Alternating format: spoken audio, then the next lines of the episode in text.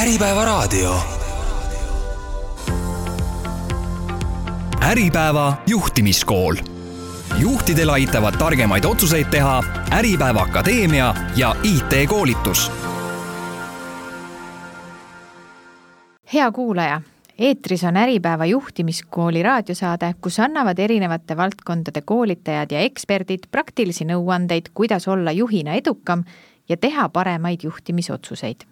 juhtimiskool on eetris Äripäeva raadios kord kuus kolmapäeviti kell kolm. mina olen Äripäeva koolituste ärijuht Marianne Lõhmus ja minuga on täna stuudios koolitaja ja coach Raimo Ülavere. tere, Raimo! tere! tänane saade keskendub vaimse tervise ehk mentaalse tugevuse teemadele ja on inspireeritud äh, Äripäeva Akadeemia ühest uuest koolitusest mentaalse tugevuse praktikumist aga enne, kui me läheme sisuliste teemadega edasi, eh, saame kõigepealt tuttavaks ja ma palungi sul, Raimo, teha väike sissejuhatus ja rääkida oma taustast. mina olen koolitaja ja coach ja teinud seda asja äh, aastavahetusel saab äh, kuusteist aastat ja suuresti olen tegelenud siis juhtidega ja, ja teine, millega ma olen tegelenud, on siis meeskondade coaching ja siis kolmas, millega Äh, üha kasvavalt äh, tegelen, on siis äh, tippsportlased ja, ja võib-olla kui me räägime sellest mentaalsest tugevusest, siis siis algselt ongi see võib-olla sealt sportlaste poole pealt nagu rohkem pärit, mul on ka miskid spordipsühholoogi paberid ja ja küll aga olen avastanud, et kõik, mis seal spordis toimub, Äh, inimestel kahe kõrva vahel, et see väga paljuski pädeb ka äh, nii-öelda tööelus, juhtide maailmas, äh, tippspetsialistide maailmas, pingeolukordadega puutume me kõik kokku ja, ja nii, et see on nagu üsna hõlpsalt ülekantav ja seda ma olen ka siis teinud see kõlab päris põnevalt, spordis on ikkagi see nii-öelda mentaalne tugevus hästi olulisel kohal, eriti just tippsportlastel, kes võistlevad. et kas see teistpidi ka on ülekantav, et tippjuhid oskaksid nõu anda tippsportlastele? jaa, absoluutselt, et seda on ju maailmas ka uuritud, et mentaalne tugevus kui inimese karakteristika, et tippsportlastel on see nüüd ütleme nii-öelda keskmisest äh, tugevam, aga ka tippjuhtidel on see nii-öelda keskmisest tugevam, et äh, seal on sarnasusi ja, ja kattuvusi väga-väga palju. Ja, ja mina usun küll, et tippjuhtidel on ka, oleks ka tippsportlastele ja, ja on ka üsna palju nii-öelda nõu anda või, või nippetrikke või kuidas neid iganes nimetada, et, et see on vastastikune, ma arvan. Aga kumbaga kergem töötada on, sportlaste või juhtidega? Äh, kumbagagi ei ole kerge töötada, kumbagagi on meeldivalt pingeline töötada. Olgu, aga võib-olla lähemegi alguse poole tagasi ja arutame siis korraks üldse, et mis asi see mentaalne tugevus on ja keskendume siis täna ikkagi juhtidele ja, ja võib-olla räägime sellest, et kuidas see mentaalne tugevus siis igapäevases juhtimistöös avaldub jaa, no äh, esiteks, mis ma öelda tahaks, et, et kui sa sissejuhatuses ütlesid, et räägime vaimsest tervisest, siis mina ei tahaks rääkida vaimsest tervisest, et äh, minu arust vaimset tervise jutte on meil äh, natuke liiga palju, puhtstatistiliselt ma tean, et kevadel tehti üks turu-uuringute uuring ja ja seal oli circa veerand, täpne protsent oli äkki kakskümmend kaheksa, protsenti oli inimesi, kes ütlesid, et nad on viimase, nagu oli vist nelja nädala või kuu jooksul kogenud nende jaoks ülemäära stressi. vaadake seda uuringut nagu teist poolt ehk, ehk seitsekümmend kaks protsenti ei olnud, et meil enamikud on täitsa normaalsed endaga hakkama saavad inimesed, kellel on vaimse tervisega kõik hästi kui me kogeme pingehetki, stressihetki, siis see on täitsa normaalne asi ja, ja minu arust ei ole selles midagi erakordset ja me ei peaks kõik tohutult tormama iseenda sisse vaatama ja, ja vaimse tervise koolitustele minema, et et see ei ole mõistlik. nüüd selle mentaalse tugevuse juurde, et tegemist ei ole äh, vaimse tervise asjaga, tegemist on äh, sellega, äh, ühesõnaga, mai-, mentaalse tugevuse definitsioon on selline, see on inimese võimekus teha pingeolukorras mõistlikke ja paremaid otsuseid see ei ole hamba, hambad ristis pressimine, see ei ole kannatamine, see ei ole kivinäoga või Arnold Schwarzeneggeri näoga äh, ma ei tea, mis asja, kivi tõstmine või, või vastaste maha kõmmutamine, sellel pole mentaalse tugevusega midagi pistmist. mentaalne tugevus on see, et kui tuleb pingeolukord ja ta tuleb, selles pole mõtet kahelda, et siis me teeksime paremaid otsuseid, me oleks nagu pea oleks rohkem kohal ja, ja, ja et nii-öelda piltlikult öeldes ei läheks lappama, nii et see on seotud konkreetselt pingeolukordade, stressiolukordades mõistlikuma otsuste tegemise ja käitumisega ja see ilmselt kaasab ka seda poolt, et juhina siis nendes pingeolukordades, et sa võtad selle aja ja hetke, et analüüsida läbi siis ka kõiki teisi tegureid. just, et see, milles see niisugune noh, kogu mäng käib, mille ümber on see, et, et inimesel on üldiselt äh, kahte tüüpi äh, nagu käitumist, üks on selline reageerimine ja see on nagu niisugune instinktiivne käitumine, automaatne käitumine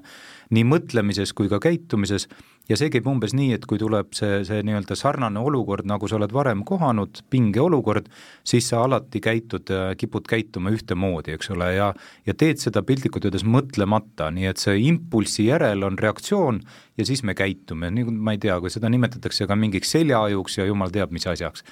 et, et mille, millest see tingitud on.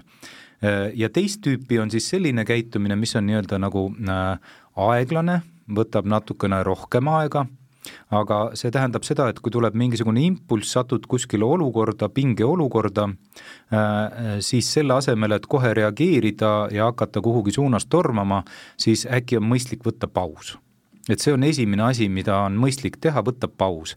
ja, ja miks seda pausi on mõistlik võtta, äh, et mõelda, et kas see, mida ma nüüd kavatsen teha, kas see on ka mõistlik viis et äkki on veel mingisuguseid alternatiive, variante, eks ole ja siis teha see otsus ja siis järgneb käitumine, et, et, et see on võib-olla selle mentaalse tugevusega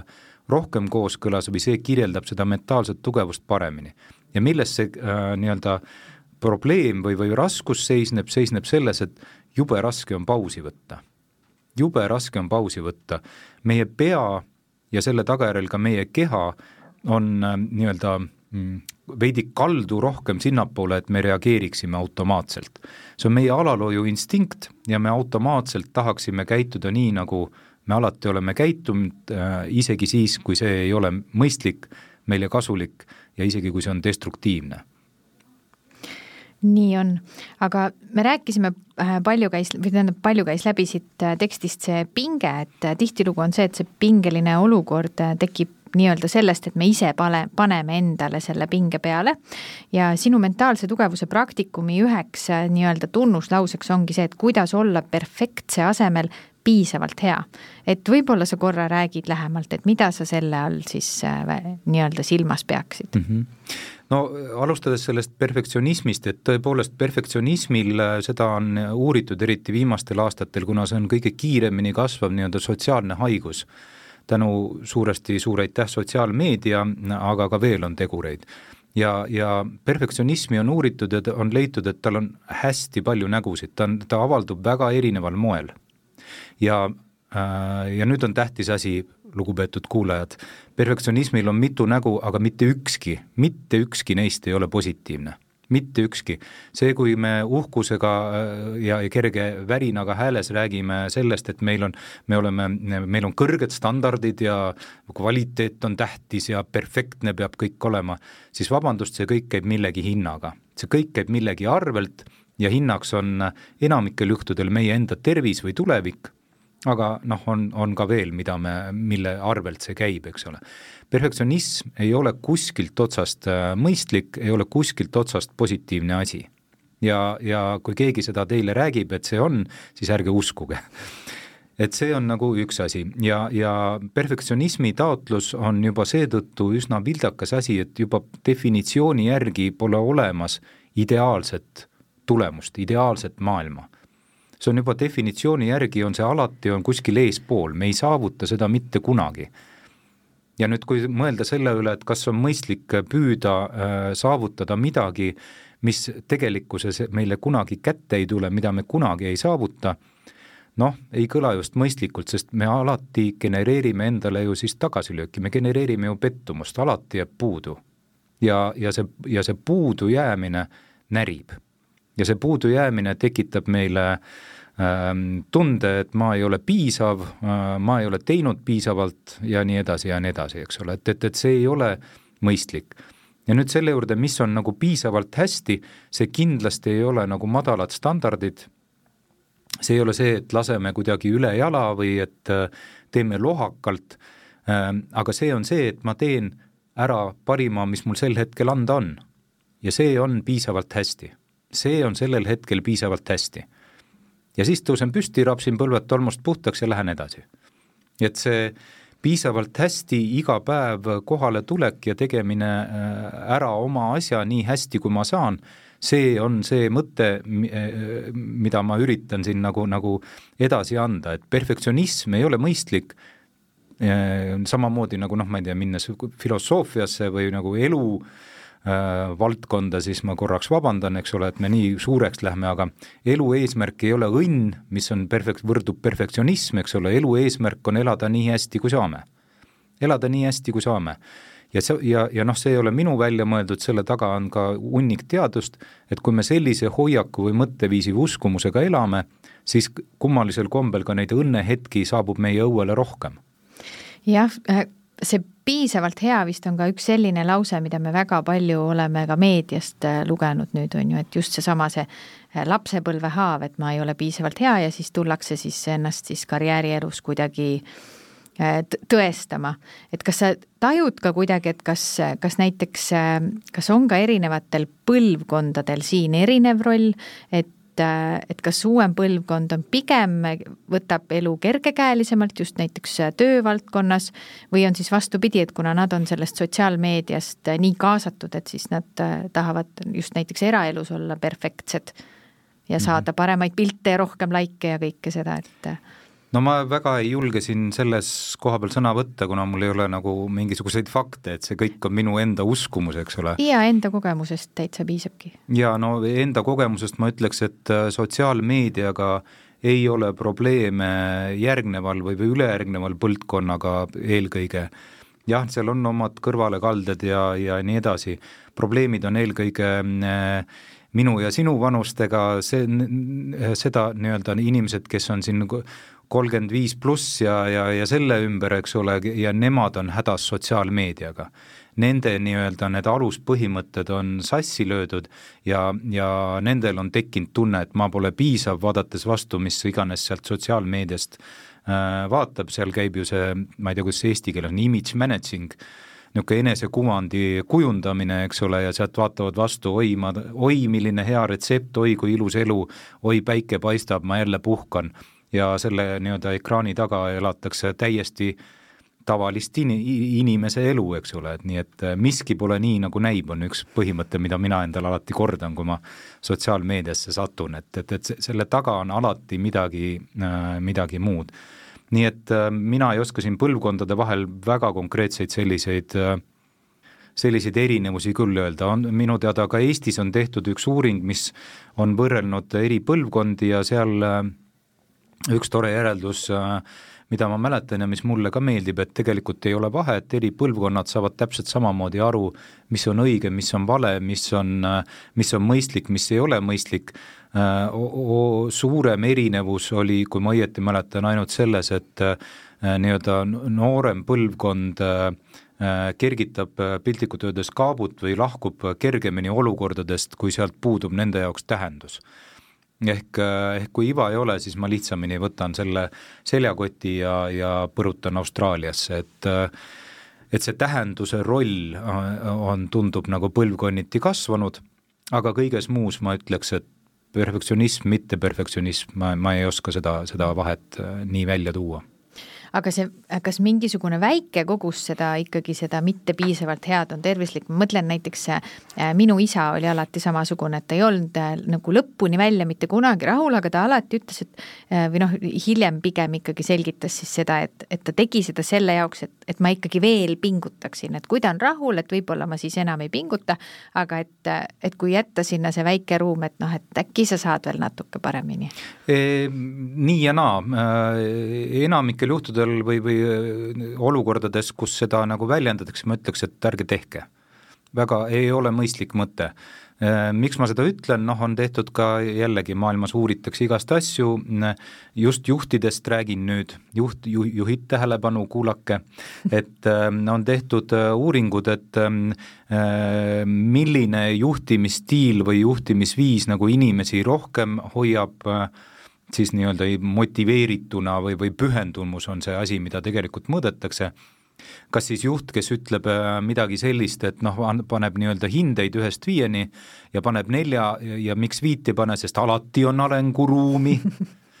See kõlab õudselt minu kõrvus, alati on arenguruumi, või siis teine juht, kes ütleb, et kui inimene on, tegelik panus on ütleme neli, aga ta paneb viie, sest äh, noh, mõistlik on, seda kutsutakse Pygmalioni efektiks, eks ole. natukene hinnata kõrgemalt, kui tegelikult välja paistab, see, sellega väljendatakse natukene sellist nagu usku, et inimeses on peidus rohkem, kui hetkel välja paistab. Ja see on, ja see tulemuse mõttes ja pühendumuse mõttes on mõistlik. inimesed, kes töötasid tolle teise juhi juures, olid äh, rohkem pühendunud ja tegid ka paremat tulemust, nii et mõtteviis, et alati peaks natuke puudu jääma, et alati peaks nagu arenguruumi olema,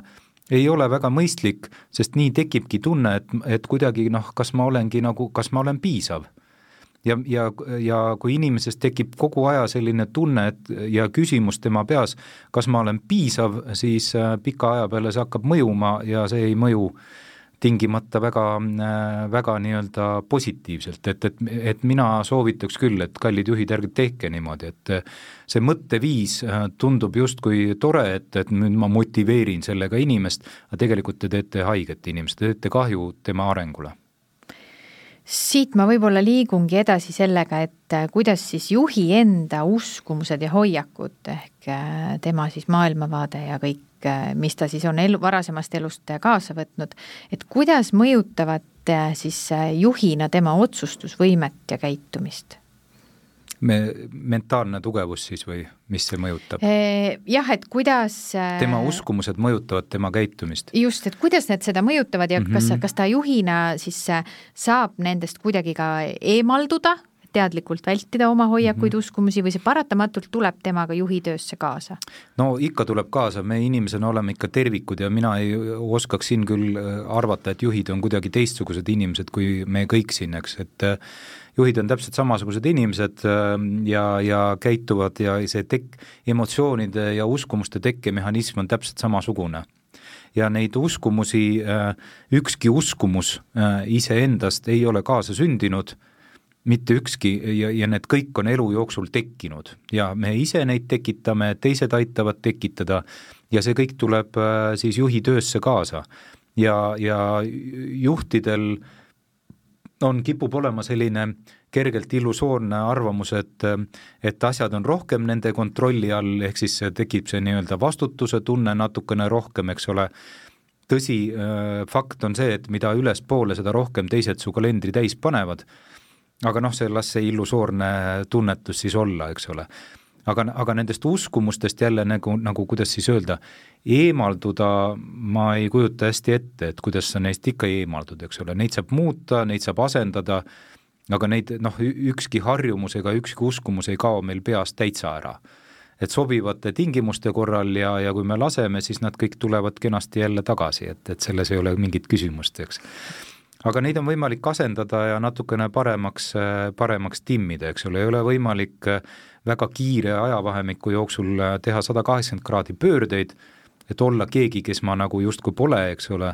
küll aga on võimalik neid nõkshaaval nagu paremasse seisu äh, nihutada. aga see on, ma jah, siin ei oska nagu vahet teha, kas on juht või et miks juht peaks olema kuidagi teistmoodi inimene, juhid on täitsa samasugused inimesed nagu me kõik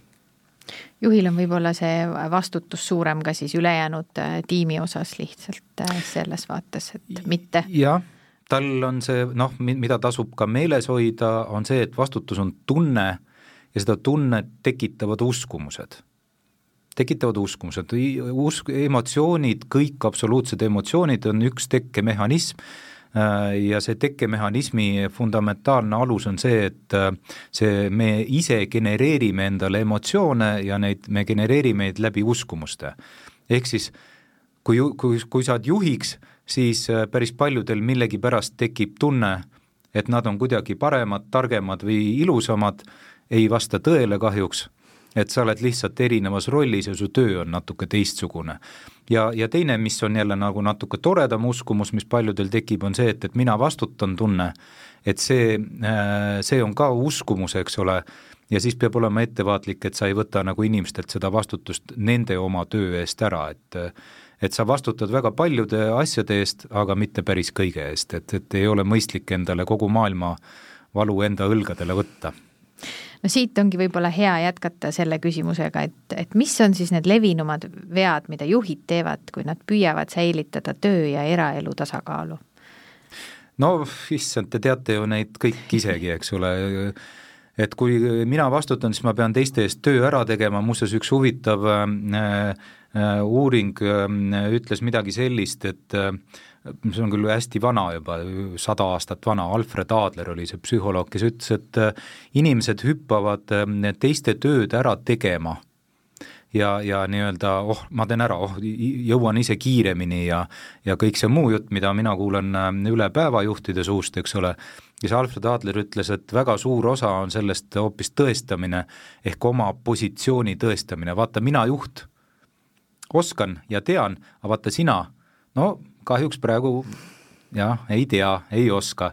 ja sellel pole mitte midagi pistmist kompetentsiga sellel pole mitte midagi pistmist, kas juht päriselt ka teab ja oskab rohkem, vaid see on oma positsiooni näitamine, et ärge nüüd solvuge, juhid, aga mõelge selle peale, et, et, et ei ole väga, väga mõistlik, eks ole.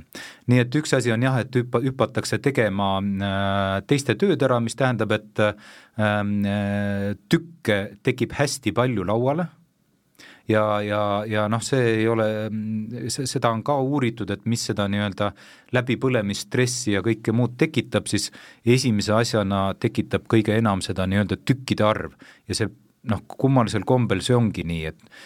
lihtsalt see, et sul on palju tükke laual, sa kaotad võimet, võime prioritiseerida, sa kaotad võime fokusseerida ja lihtsalt see tükkide arv tekitab sinus peas elu ja, ja era ja töö ja kõik on nagu jah, puderkapsaatika. et ähm, vähem tükke, mis on su fookus, noh minu coaching utes juhtidele äh, kaunis sageli ma küsin, et nii, kallis juht, mis on sinu järgmise kolme kuu kolm kõige tähtsamat asja? ja kui juht sellele vastata väga hästi ei oska, siis on äh, suur risk, et tekibki sealt puderkapsaatika. et ähm,, et hea, jah, tükkide arv ja noh, teine on tõesti, et võetakse seda vastutust, võetakse vastutust selle eest, et et mina, minust sõltub, kas inimesed on motiveeritud ja pühendunud, kas inimesed on inspireerunud, noh, kallid juhid, ärge tehke seda, ei ole mõistlik endale sellist koormat võtta, et inimese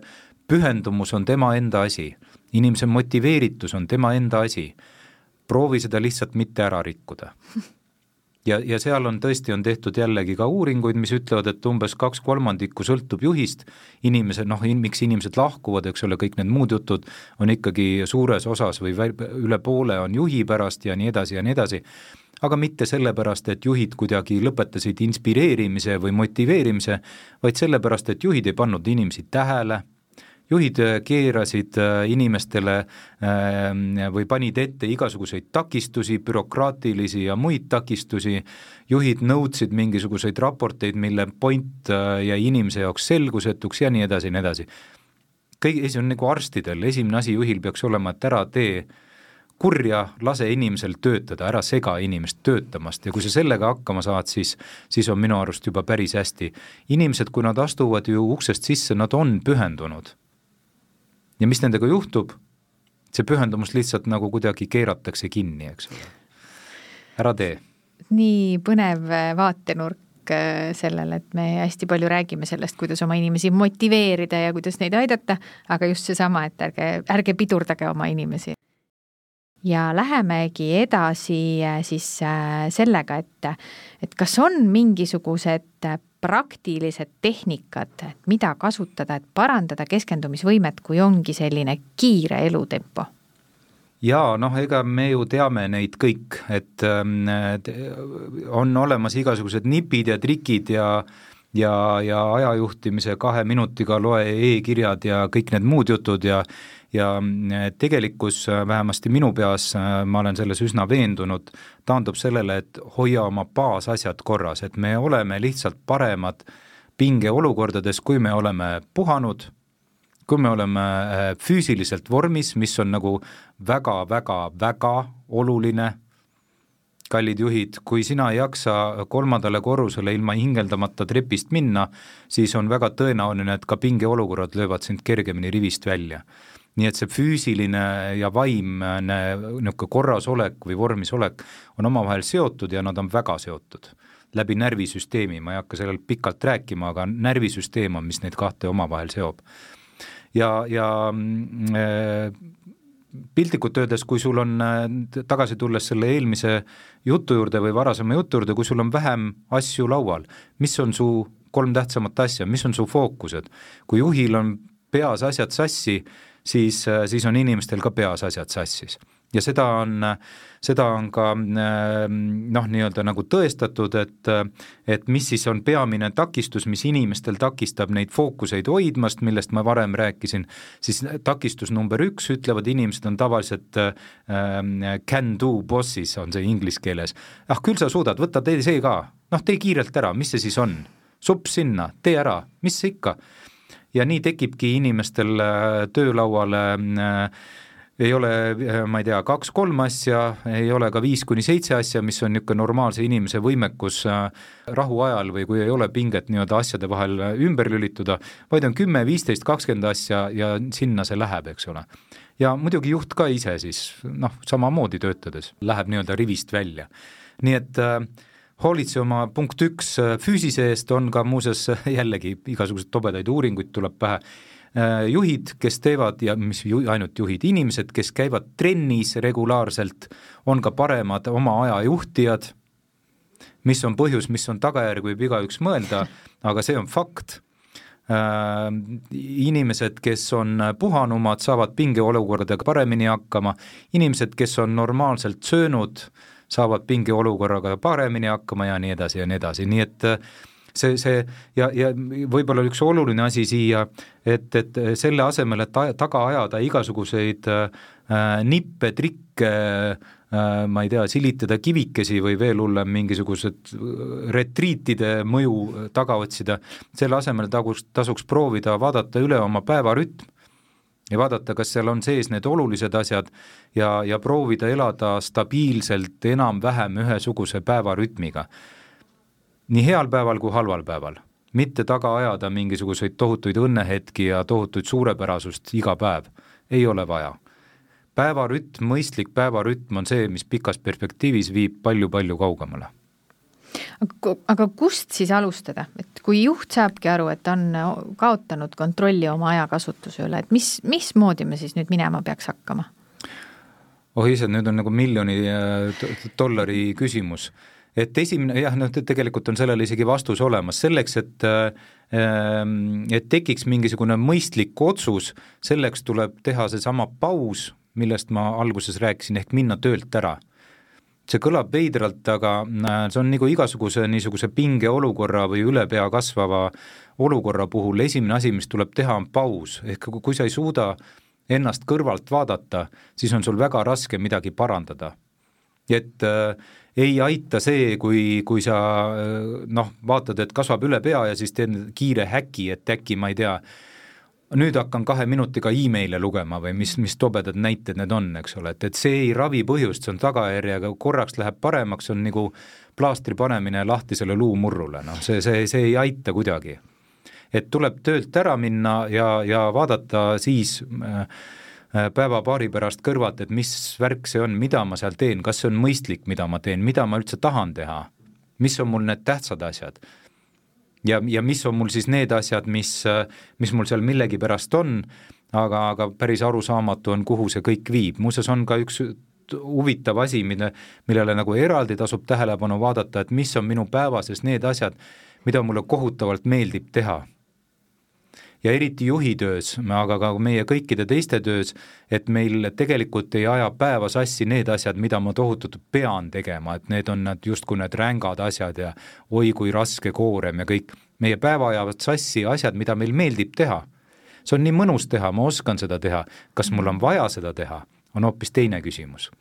et see vajadus ja meeldivus ei lähe alati kokku ja need kipuvad olema need asjad, mis meil tegelikult sassi ajavad. Nii et natukene vähem seda otsida, seda tohutut meeldivust ja naudingut,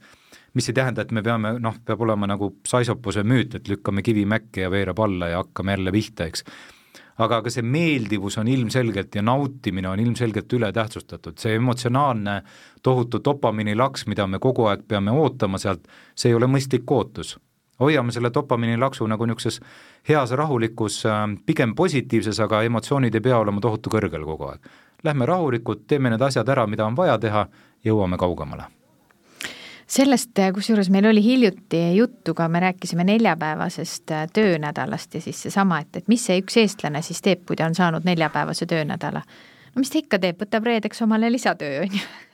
ju võib täitsa, kõlab mõistlikult, ma arvan, et see ei ole muidugi ainult eestlaste selline isikupära. et see on ikkagi mujal ka? ma arvan, et see on meie äh, tulles tagasi perfektsionismi poole, see on meile püstitatud ühiskondlik ootus. me tunneme ennast väärtusetusena, ähm, äh, kui meil ei ole kiire, kui me ei tee tööd, mida ma siis teen, teised ju teevad tööd ja nii edasi ja nii edasi, et ähm, see, miks inimesed kipuvad vastama küsimusele, kuidas sul läheb kiirelt, on täpselt see põhjus. me tunneme ennast tähendusliku ja tähtsamana. ebamõistlik, aga nii see on. natuke vist ikka tuleb ju juba seda pisist new stupid äh, sisse siit ja sealt, et äh, ehk see jõuab vaikselt jah, jah, aga, aga äh, mida ma tahan ka siin rõhutada ka selle mentaalse tugevuse kontekstis, et stress on hea, pinge on hea, see on ainuke asi, mis kuhugi meid viib et selle, selle nii-öelda selle äh, pisi olemise vastand ei ole äh, äh, hedonism või selline nagu mitte midagi tegemine. selle, selle, selle ma ei tea, kui see on üldse vastand, on see, et, et pingutus on väga mõistlik, stress on väga-väga hea asi, see on ka üks uskumusi äh, mitte midagi ei jõua, me ei jõua kuhugi ilma pingutuse ja stressita, küll aga me peaksime nagu valima, kus me pingutame, mille nimel me pingutame, mille nimel me nagu seda stressi äh, kannatame. tehti üks tore Ameerika advokaatide peal, neljasaja advokaadi peal üks tore uuring ka muuseas, ma jõuan selle, selle pisi- ja pikkade tööpäevadeni, et äh, kas pikad tööpäevad a priori äh, tekitavad stressi, vastus on ei unustage ära see, et, et äkki peaks lühem tööpäev ainuüksi aitama meil nagu nautida paremini, tegelikult ei ole, on inimesi, keda, kes suudavad äh, tegi, teha endale pikkasid tööpäevi, ilma et see kahjustaks nende heaolu. kui ümbritsev keskkond on toetav, kui need inimesed on toredad, kui see töö mulle meeldib, me oleme äh, võimelised töötama päris pikki perioode, ilma et see kahjustaks meie heaolu ja pigem isegi vastupidi. nii et, äh, et, et see aitab kaasa, seda ei suuda kõik inimesed, see ei ole kõigile, aga arvata a priori, et me peaks kõik vähem töötama, on ka üsna rumal mõte, eks ole, kuskil on igaühe jaoks see oma mõistlikkuse piir. Aga kuidas juht, ma nüüd liigun natuke edasi siis meeskonna poole ja meeskonna toetamise poole, et kuidas siis juht tajub oma seda meeskonna ja oma inimeste piiri, et kuidas ta mõõdab seda stressitaset, kuidas ta seda mõistab ja kas ta saab seda üldse juhtida? no eks natukene ikka saab ja, ja, ja ma ütleks isegi, et natukene peab ja, ja miks ma seda ütlen, on see, et eriti kui on meeskonnas sellised äh, Äh, saavutuspõhised inimesed või inimesed, kes noh, high achiever'id on inglise keeles niisugune tore termin, kes, kes äh, tahavad saavutada. Äh, häda on selles ja neid inimesi on noh, statistiliselt circa kolmandik, keda eesmärgid drive ivad ja, või, või ringi ajavad ja käivitavad ja nii edasi ja nii edasi palju neid igas meeskonnas on, on eks ole, iga meeskonna omaette küsimus. aga mis on probleem, probleem on selles, et need inimesed, äh, juhid ise ka muuseas on seal päris mitmed, et need inimesed ise äh, väga raskelt või üsna noh, nagu seda, seda piiri on väga raske tajuda, kus ma lähen üle pööretele. nii-öelda hakkangi oma tervise arvelt nagu tegema mingi periood on see mm, okei okay,, eks ole, aga kui see periood kestab väga pikalt, noh, seal ju hakkavad niisugused asjad tööle ja see Eesti rahva vanasõna ikkagi töötab, et kellel, kes suudab, sellele antakse ja nii edasi ja nii edasi, me ikkagi paneme neile ka rohkem koormat peale, eks ole. et need inimesed ise ei taju seda piiri ära, kust maalt see hakkab tervise arvelt ja, ja kõige muu arvelt, eks ole. ja seal on juhi kullipilk on hästi vajalik. ja, ja, ja, ja reguleerida just seda rütmi reguleerida seda, et mitte et kuule, nüüd eks ole, sa pead võtma kolm nädalat puhkust, on ju, siis on juba probleem siis on ju see asi juba probleem äh, ja see võib minna meditsiiniliseks ja noh, seal läbipõlemised ja kõik muud jutud, eks ole. näed, ikka jõudsime vaimse tervise juurde, kuhu ei taha tegelikult jõuda. aga, aga äh, hoolitseda selle eest, et see mentaalne tugevus püsiks, see tähendab seda, et inim-, peab olema taastumist. tulemus võrdub stress pluss puhkus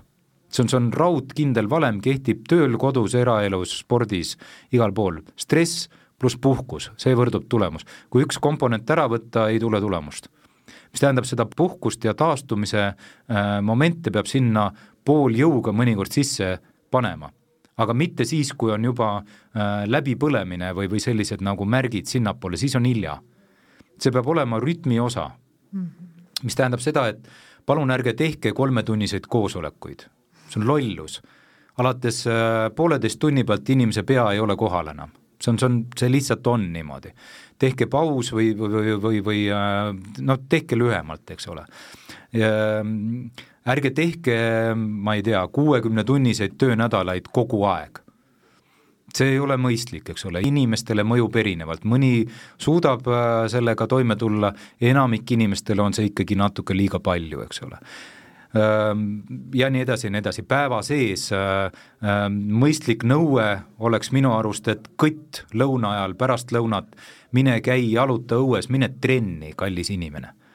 mine tee kerge sörk, mine jaluta, mine, mine kas või jõusaali, kui on võimalus töökohal selline, et, et teha selline paus, kus oleks võimalik seda dopamiini reservuaari ja kõiki neid muid asju taastada inimesel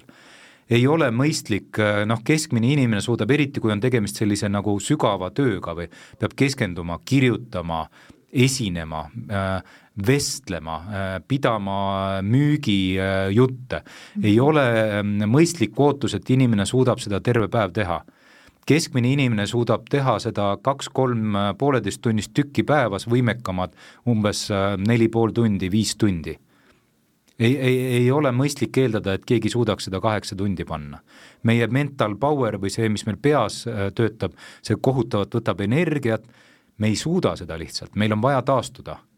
mis tähendab seda, et äh, et sellised taastumise tükid vahele, tekitada töörütm, kus me ei tegele sellega, ei ole mõt-, mõtet püstitada nagu, nagu ebarealistlikke ootusi, inimesed põlevad niimoodi nii et äh, selline nagu taastumise, puhkuse hetk, rütmi tekitamine, see on juhi töö ja, ja jälgida oma inimeste puhul, et nad siis ka seda, seda teeksid. ja siin ilmselt on ka eeskujul äh, suur roll? jah, olen näinud äh, liiga palju juhte, kes ütlevad, räägivad kõike seda, olen näinud ka presentatsioone tegemas oma inimestele, kui tähtis on puhkus, kui tähtis on keskenduda ühele asjale ja olles selle ettekande lõpetanud, juhid haaravad nutitelefoni ja hakkavad meilidele vastama, et, et äh, ja tööd tegema, eks ole, et, et, et see jah, sõnad ja teod peavad kokku minema aga ma võib-olla küsingi siis, et kuidas luua sellist kultuuri, mis toetab äh, siis meeskonnas sellist mentaalset tugevust? et mida üks juht saab ära teha, et lisaks sellele, et sa oled eeskuju, lisaks sellele, et sa võib-olla püüad siis seda töövoogu niimoodi mm -hmm. organiseerida, aga et kuidas veel toetada oma meeskonda? No siin on äh, neid asju on mõistagi palju, see paar asja, mis mul kohe meelde tuleb, on see, et äh, kui läheb raskeks ja on ette teada, et läheb raskeks, siis tuleb öelda, et läheb raskeks. Äh, see on nagu punkt üks, ei, ei, ei tasu minna peale ootustega, et ah, mis see käkitegu, teeme ära. see on, see on üks, üks ebamõistlikumaid asju, mis ma olen näinud, et juhid teevad. kui me teame, et läheb raskeks, kui meil tuleb teha kõva pingutus järgmine kuu või ka järgmine päev või järgmine nädal, siis peab ette ütlema, et kuule, see asi läheb raskeks, inimese peal on äh, vaja ette teada, teine asi ähm,, proovida äh, aidata inimestel ette kujutada seda raskust, seda pingeolukorda, mis, mis seal siis täpselt juhtuma hakkab? Ja see on hästi oluline, et see, et see pinge ei tabaks ootamatult ja, ja, ja ootamatul moel. ja kolmas asi, teha plaan igasuguse pinge olukorras vastu aitab plaan. Ja siin selle plaani tegemine äh, noh, siin on nagu erinevad viisid, mida selgem inimesel on ettekujutus, mis juhtuma hakkab, mis on see konkreetne tegevus, mitte tulemus, mitte tulemus, mis on see tegevus, millele me keskendume, mis, mida me tegema hakkame. ja siin on noh, üks-kaks-kolm asja, eks ole, neid asju ei tohiks palju olla, me teeme seda, siis me teeme seda ja kui juhtub see, siis me teeme selle ja, ja sellised asjad on juhi asi nagu proovida inimestega läbi rääkida, ette kujutada, me teeme selle asja ära ja me teeme seda niimoodi. Läheb raskeks, võib-olla me ei saa sellega hakkama, aga vähemasti meil on asjad, mis on meie kontrolli all, see on meie tegevus ja, ja liiga äh, vähe minu arust sellest räägitakse, et mis me teeme. liiga palju räägitakse tulemusest, mis on tagajärg. tulemus ei ole kontrolli all, tegevus on. nii et äh, sellised asjad, äh, võib-olla juht saab sellist nagu tulevikku vaatavat, aidata inimestel tulevikku vaatavalt ette kujutada, mis ees ootab. kui ees ootab pinge ja stress, see on jumala okei okay., see peabki nii olema, see käib, see on töö osa, seda ei tohi vältida. aga proovime siis teha seda, teeme mingi plaani lähme mingi tegevusplaaniga sinna. nii et see on see juhi töö minu arust üks olulisemaid osasid siin aga kui nüüd äh, lähebki halvasti ja ongi ebaõnnestumine, et kuidas siis äh, meeskonnale siis äh, anda seda mõtteviisi edasi, et, et, et seekord läks nii, aga et mis me sellest õpime, et kuidas siis muuta need ebaõnnestumised õppimisvõimalusteks meeskonna jaoks? jaa, no siin on see, see on omaette pikem jutt, aga, aga esiteks tuleks aru saada, kas kõik tagasilöögid on õppimise kohad liiga palju minu arust ka jällegi räägitakse sellest, et elu on õppimine ja tagasilöögid kõikidest on õppida, ärge õppige. kui te hakkate kõikidest tagasilöökidest õppima, siis te lähete lolliks peast. Neid tagasilööke tuleb meil iga jumala päev ja igal sajal erineval moel, eks ole väga,. väga-väga hästi tuleb valida seda, et mida me õpime. ja väga-väga hästi tuleb valida seda ajahetke, millal me õpime et vahetult pärast tagasilööki või vahetult pärast mingisuguse jama juhtumist jäta palun inimene rahule, paku talle emotsionaalset toetust, ole kohal, ütle, et ma olen olemas ja lase inimesel öö ära, ära, ära magada. inimene ei ole adekvaatne, sina, kallis juht, ei ole ka adekvaatne et, et see õppimise moment on ikkagi siis, kui on lastud teatud distants vahele ja me oleme, suudame sellele nii-öelda nagu, nagu, nagu kuidas siis öelda, vähe leebemate emotsioonidega tagasi vaadata, eks ole, siis tuleb see õppimise moment, kui me otsustame sellest õppida. aga veel kord, enamikest tagasilöökide nimi on tegelikult äh, äh, eesti keeles on see jama juhtub, inglise keeles kõlab paremini, eks ole. et, äh, et, et las olla, tõuse püsti, rapsime puhtaks äh,, laseme sellel asjal nii-öelda äh, oma noh, nagu öeldakse, leinaperiood tuleb üle elada, kui pikk see on, on iseküsimus, eks ole, aga, aga äh, äh, ja siis läheme edasi, mida mitte teha, mida kindlasti mitte teha, kui see jama on piisavalt suur, lüüa matsti õlaga sel-, patsti seljale ja öelda, et oh, pole midagi, tuleb uus klient, ära tee seda, see on väga nõme, see on väga nõme, sel hetkel on inimene äh, nii-öelda hädaorus, näivus on reaalsus elu on jama ja kui sina lähed talle ütlema, et tuleb uus ja pole midagi, siis see kahjuks ei lohuta, vaid ähm, õnneks sa oled tema ülemus ja ta on viisakas inimene, aga mingis muus olukorras ta ilmselt tahaks sulle virutada, eks ole, sel hetkel. et las inimene äh, noh, see, see, see nii-öelda tagasilöök tuleb üle elada, äh, natuke distantsi, ajadistantsi vahele ja kui sealt on midagi õppida, siis proovige õppida, enamikest ei ole midagi õppida, rapsige põlved puhtaks ja minge edasi me küll proovisime mitte sellest vaimsest tervisest rääkida, aga ma küsin ikkagi siia lõppu selle küsimuse niipidi, et et kui mina juhina ikkagi märkan oma meeskonnas juba seda läbipõlemist, et kuidas seda siis kõige valutumalt edasi anda? Ma ei tea, kas seda edasi anda, aga sellel ei ole mentaalse tugevusega liiga palju pistmist, et siis on, siis me räägime juba vaimsest tervisest ja ja siis me räägime nii-öelda äh, normaalseisundi taastamisest, mentaalne tugevus on üle normaalseisundi minemine. sellisel puhul noh, ega ma ka ei tea, esimene marker on ükskõiksus, kui inimene muutub ükskõikseks oma töö, teiste töö, ma ei tea, elu, mis asja suhtes, siis on probleem ja inimestel, mis siis tavaliselt tekib, on, tekib tunne, et mul ei ole valikut ja see on peamine äh, niisugune probleem, et ma olen lõksus mentaalselt. Ja, ja e-, e-, ega seal muud ei ole, tuleb inimesega maha istuda ja rääkida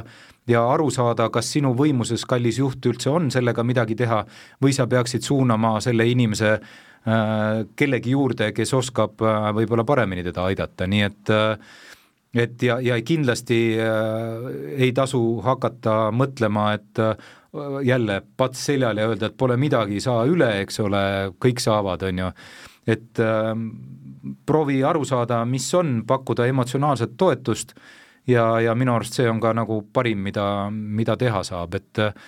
aidata inimesel teadvustada, et tal on valik ikkagi, et, et see, mida ta tunneb, ei pea nii olema, ta võib ka teistmoodi tunda, kui ta võtab midagi ette